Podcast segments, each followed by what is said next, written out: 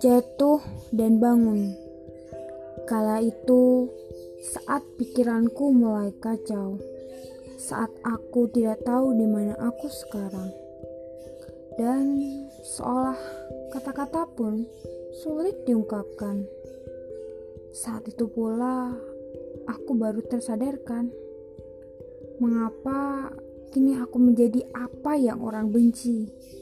Seketika dia membuatku tersadar dan berubah. Walaupun begitu, aku masih bingung apa yang sebenarnya terjadi. Cerita ini sulit untuk ku sadarkan. Semoga hamba selalu bersamamu, ya Allah.